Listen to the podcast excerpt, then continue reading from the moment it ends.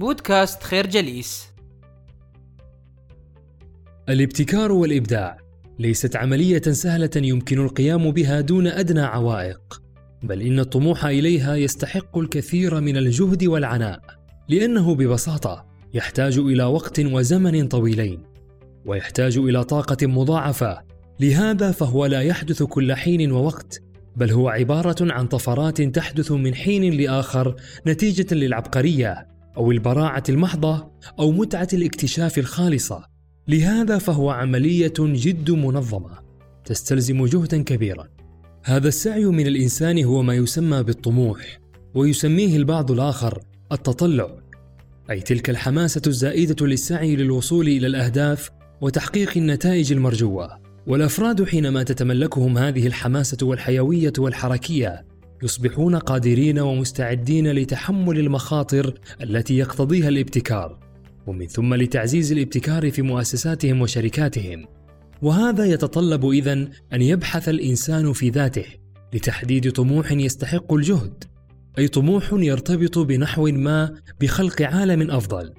هنا تبدأ فكرة الابتكار في البداية كوميض سواء كان لاختراع منتج أو خدمة أو حل لم يسبق إليه أحد.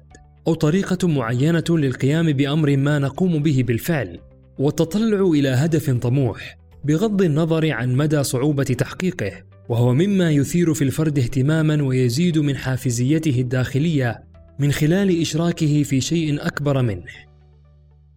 الفكرة الطموح إلى الابتكار يستحق الكثير من الجهد والعناء يمكن للفرد أن يبتكر ويمكن له أن يبدع ولكن في حدود معينة لأن الابتكار في أساسه هو عملية جماعية ورياضة تشاركية في أصولها ومنطلقاتها. لهذا إذا أمعنا النظر بشكل جيد فسنجد بأن قليلة هي الابتكارات القيمة التي تتحقق على يد فرد واحد أو حتى على يد مجموعات من الأشخاص الذين يتشاركون نفس المعرفة والخبرة. وهنا يشير الكتاب بأن العمل الجماعي ينطوي على تحد أكبر مما يبدو لأول وهلة، لأننا سنكتشف الدور الجوهري الذي يطلع به الأمان النفسي في مساعدة الأفراد على العمل الجماعي معا بفاعلية. وبما أن العمل الجماعي في مختلف التخصصات والمجالات المعرفية يبدو ضروريا للابتكار فقد كان لزاما أن يحظى باهتمام خاص لأنواع الحدود التي يواجهها الأفراد عند العمل الجماعي من أجل الابتكار وكيف يمكن تجاوزها بفعالية. الفكرة الابتكار يقتضي العمل الجماعي والتشاركي بعيدا عن الفردانية. الناس تخشى الفشل في حين أنه بداية الطريق وليس نهايته. هذا الأمر راجع بالأساس إلى طريقة التربية التي تلقيناها في طفولتنا. فقد كانوا يقولون لنا بأن الفشل والإخفاق أمر سيء وأن تجنب اللوم استراتيجية ناجحة. وننشأ على ذلك حتى يصبح مسلمة لا يجب التشكيك فيها مع مرور الوقت. ربما هذا قد يكون نوعا من الاستجابة الذاتية الوقائية على سمعتنا إلا أنها تضر بالشركات التي نعمل لديها. والسبب هو أنه من المستحيل تقريبا أن يتعلم الأشخاص من الإخفاقات إن لم يعترفوا بها ويحللوها. في أي مجال يكون الابتكار ضروريا للبقاء تكون القدرة على التعلم من الإخفاق مهارة أساسية. معنى ذلك أننا نحن كائنات نستطيع التعلم من الفشل إذا ما غيرنا النظر إلى الفشل والإخفاق. كما أن نظرتنا التي ورثناها عن النجاح فهي ترتبط ارتباطا وثيقا بتقدير الذات والمكانه والحاجة إلى الحصول على رضا الآخرين عنا وإعجابهم بما نفعل ونقول. وعندما نصبح بالغين ندرك أن المعرفة في حالة تدفق مستمر وأن التكنولوجيا تأبى إلا أن تتغير باستمرار. الفكرة. الإخفاق خطوة نحو النجاح وليس نهاية الطريق فوجب إعادة التصحيح. في عالم اليوم تخوض الشركات مجموعة من التحديات ومن بينها التعلم بسرعة.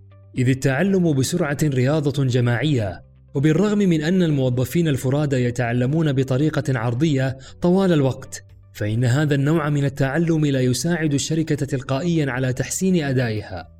الشركات تحتاج إلى عمل جماعي منظم وليس عملا فرديا معزول وهذا يتطلب من المؤسسات التعلم على نحو ممنهج من المجموعة الكبيرة من الخبرات التي تمر بها وخاصة من الفشل والإخفاق.